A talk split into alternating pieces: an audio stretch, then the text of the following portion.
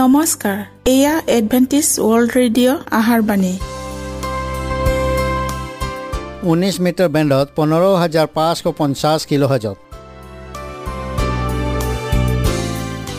Adventist world radio যোগে অসমীয়া ভাষাত প্ৰচাৰিত আহাৰবাণী প্ৰত্যেক বুধবাৰ আৰু দেওবাৰ সন্ধিয়া সাত বজাত আহাৰবাণী শুনাৰ পিছত আপোনালোকৰ কিবা মন্তব্য আৰু প্ৰশ্ন থাকিলে আমালৈ এই ঠিকনাত লিখক। আমাৰ ঠিকনাটি হৈছে Adventist world radio' seven day Adventist মণ্ডলী অসম শাখা লতাকাটা বশিষ্ট গুৱাহাটী সাত আঠ এক শূন্য দুই ন।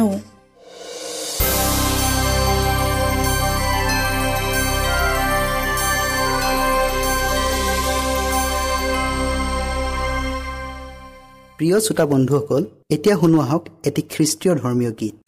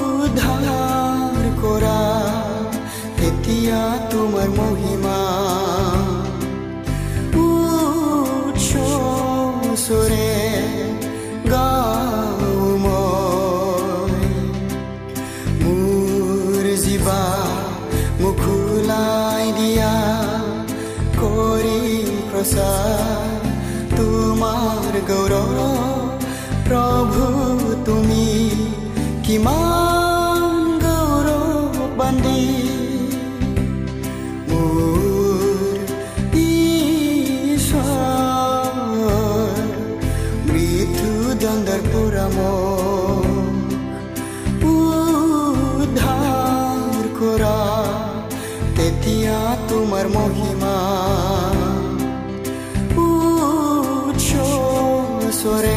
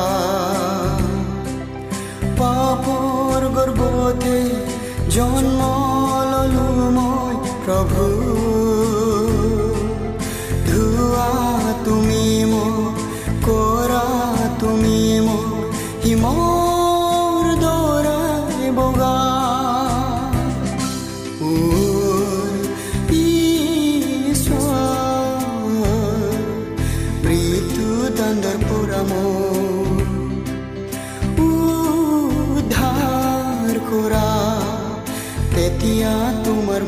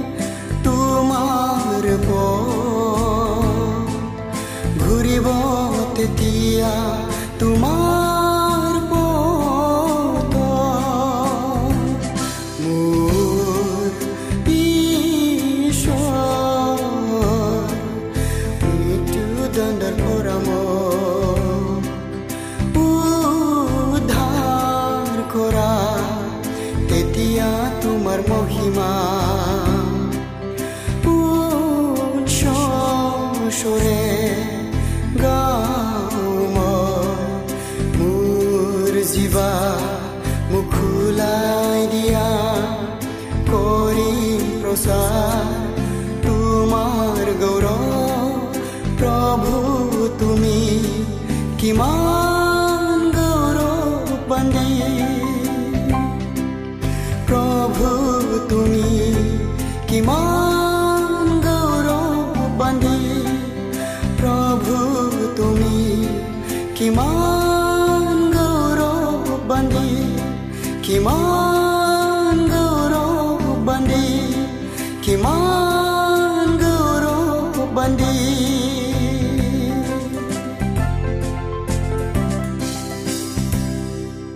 প্ৰিয় শ্ৰোতা বন্ধুসকল আহক আমি খন্তেক সময় বাইবেল অধ্যয়ন কৰোঁ হওক।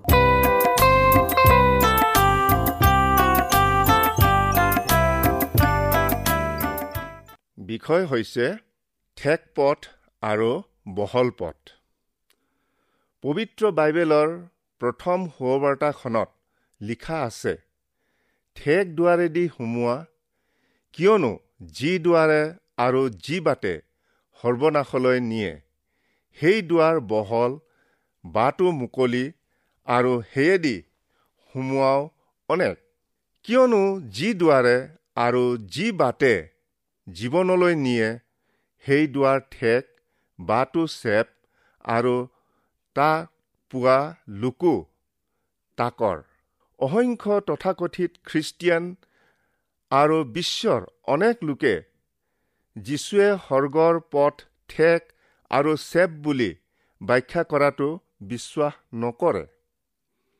পবিত্ৰ বাইবেলে কৈছে বাস্তৱিক খ্ৰীষ্ট যীশুত ভক্তিভাৱে জীৱন ধাৰণ কৰিবলৈ ইচ্ছা কৰা সকলোবিলাকে তাৰণা পাব। জগতৰ ব্যৱসায়ত লিপ্ত হৈ থকা কোনো এজন কোটিপতিয়ে তেওঁৰ মৃত্যুসজ্যাত থাকি তেওঁৰ তিৰোতা আৰু সৰু ল'ৰাটোৰ নামত সকলো সম্পত্তি দান পত্ৰৰ দ্বাৰাই উত্তৰাধিকাৰী পাতিলে। তেনেতে শিশুসুলভ মনোভাৱেৰে সৰু ল'ৰাটিয়ে বাপেকক সুধিলে দেউতা আপুনি যি ঠাইলৈ যাব ওলাইছে তাত ইয়াতকৈও ধুনীয়া ঘৰ আছেনে? পুতেকৰ অপ্ৰত্যাশিত প্ৰশ্নই বাপেকৰ হৃদয়ত শূল বিন্ধা দি বিন্ধিলে। তেওঁ জাগতিক বিষয়ত লিপ্ত হৈ থাকোঁতে ঈশ্বৰক পাহৰি গ'ল।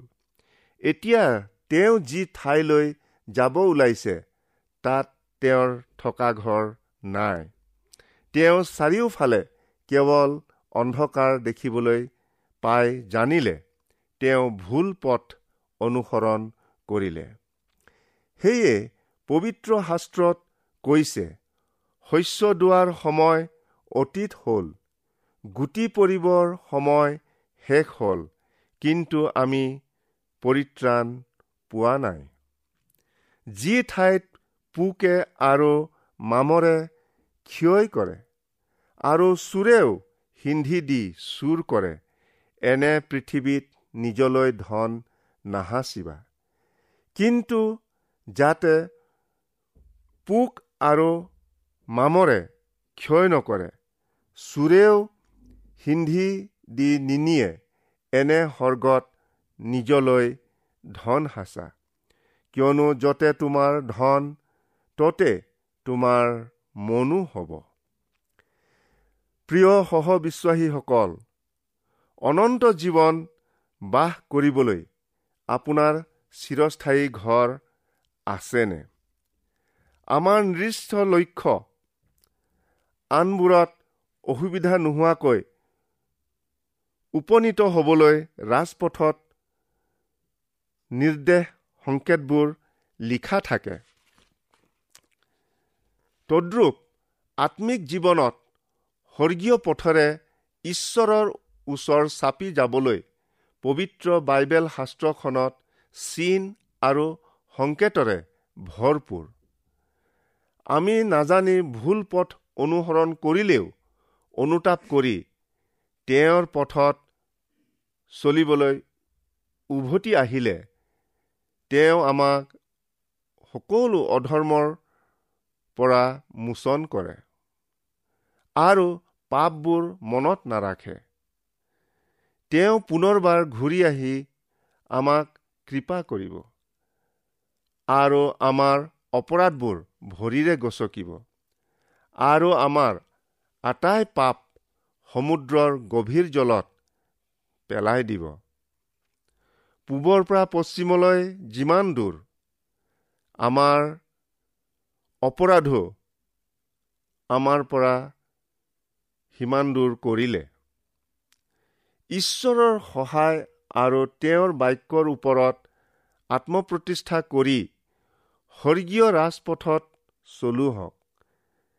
কাৰণ আমি সকলোৱেই পাপ কৰি ঈশ্বৰৰ মহিমাৰ পৰা বঞ্চিত হৈছো।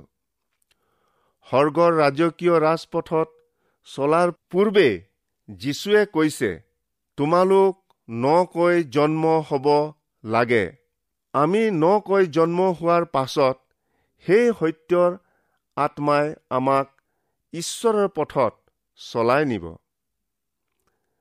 আৰু ঈশ্বৰৰ মানচিত্ৰৰ সাংকেতিক চিনৰ দ্বাৰাই পথ অনুসৰণ কৰি যীশুৱে সজাত সেই স্বৰ্গীয় গৃহ পাই তেওঁৰে সৈতে চিৰকাল বাস কৰিম। এই নিৰ্ঘাত সত্য জানিও অনেক লোকে নিজৰ নিজৰ সুবিধাৰ পথেৰে ঈশ্বৰক পাবলৈ চেষ্টা কৰিছে। পবিত্ৰ বাইবেলৰ ভাষাত কোনো কোনো পথ মানুহৰ দৃষ্টিত সৰল বোধ হয়। কিন্তু শেষত সেয়ে মৃত্যুৰ পথ।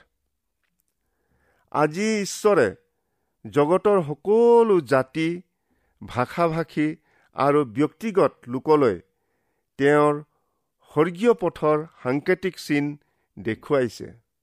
তেওঁ কৈছে সেই ঠাইত এক ৰাজপথ হ'ব। সেয়ে পবিত্ৰ আলি বুলি প্ৰখ্যাত হ'ব। সেয়েদি কোনো অহুচি লোক অহা যোৱা নকৰিব। কিন্তু সেয়ে কেৱল লোকবিলাকৰ নিমিত্তে হ'ব আৰু পথিকবিলাক এনেকি অজ্ঞানো তাত ভ্ৰান্ত নহ'ব। কিন্তু মুক্তবিলাক তাত অহা যোৱা কৰিব। আৰু জিহুৱাৰ দ্বাৰাই উদ্ধাৰ পোৱা লোকবিলাক ওলটি আহিব আৰু গীত গাই গাই চিউনলৈ আহিব। তেওঁলোকৰ মূৰত চিৰস্থায়ী আনন্দ মুকুট হ'ব। তেওঁবিলাকে আমোদ আৰু আনন্দ পাব। সুখ আৰু হুমনীয়া দূৰলৈ পলাব।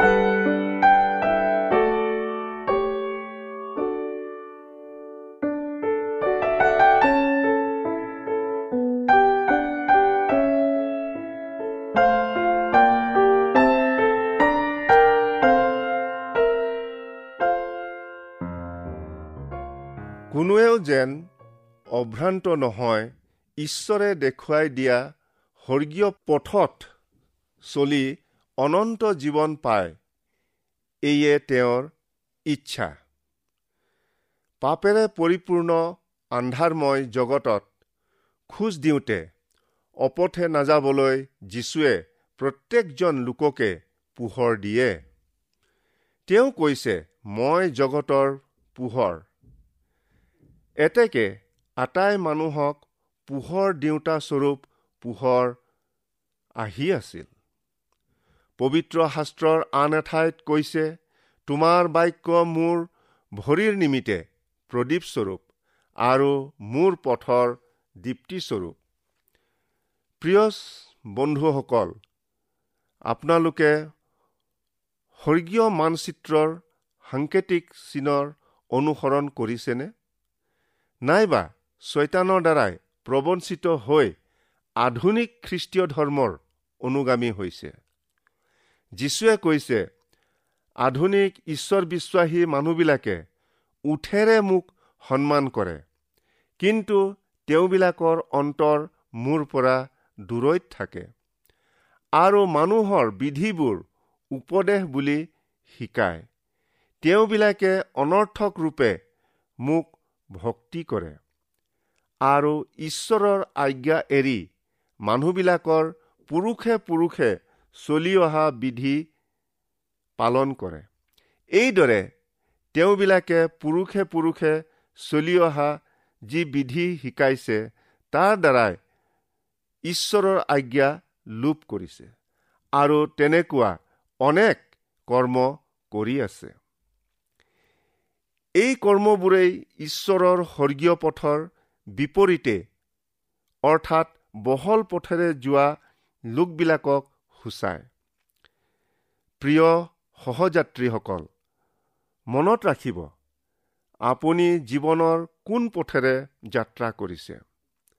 আপুনি অনন্ত জীৱন পাবলৈ ঠেক পথ নাইবা অনন্ত মৃত্যুৰ বাবে বহল পথ বাছি লৈছেনে? অতীজতো ঈশ্বৰে তেওঁৰ দাহ মুচিৰ যোগেদি ইছৰাইলৰ সন্তানবিলাকক কৈছিল চোৱা মই আজি তোমাৰ আগত জীৱন আৰু মংগল মৃত্যু আৰু অমংগল ৰাখিছো। এই নিমিত্তে তুমি গোটেই বংশৰে সৈতে জীয়াই থাকিবলৈ জীৱনক মনোনীত কৰা। পবিত্ৰ শাস্ত্ৰৰ আন এঠাইত কৈছে কিয়নো যিজনে মুখ পায় অৰ্থাৎ খ্ৰীষ্টিয়ক পায় সেইজনে জীৱনো পায়। সেয়ে যীশুৱে কৈছে তেওঁবিলাকে যেন জীৱন পায় আৰু তাকেই যেন প্ৰচুৰকৈ পায় এই নিমিত্তে আহিলোঁ।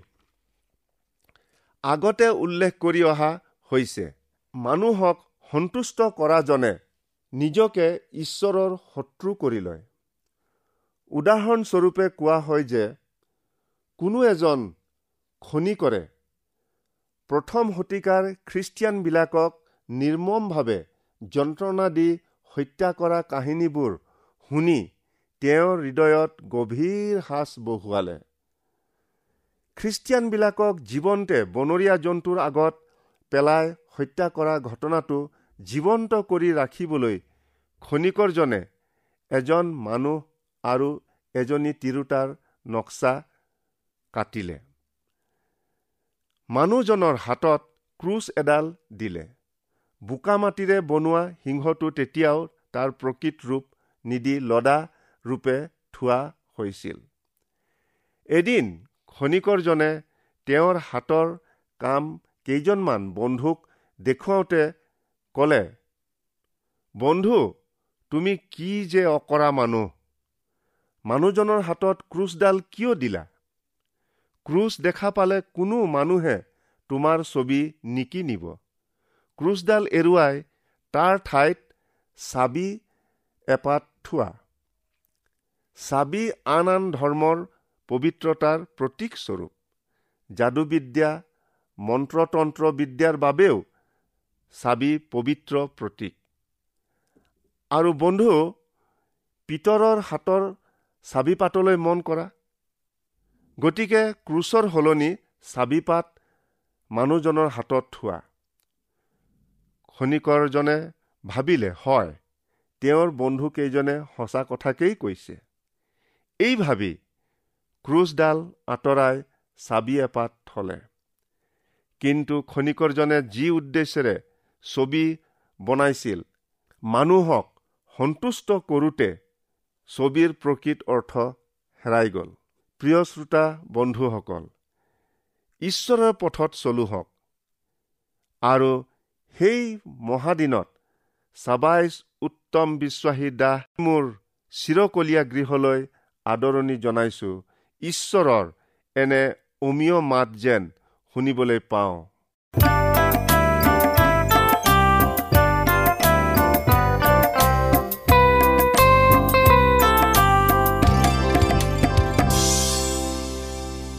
ইমানপৰে আমি বাইবেল অধ্যয়ন কৰিলোঁ। এতিয়া আকৌ শুনো আহক এটি খ্ৰীষ্টীয় ধৰ্মীয় গীত।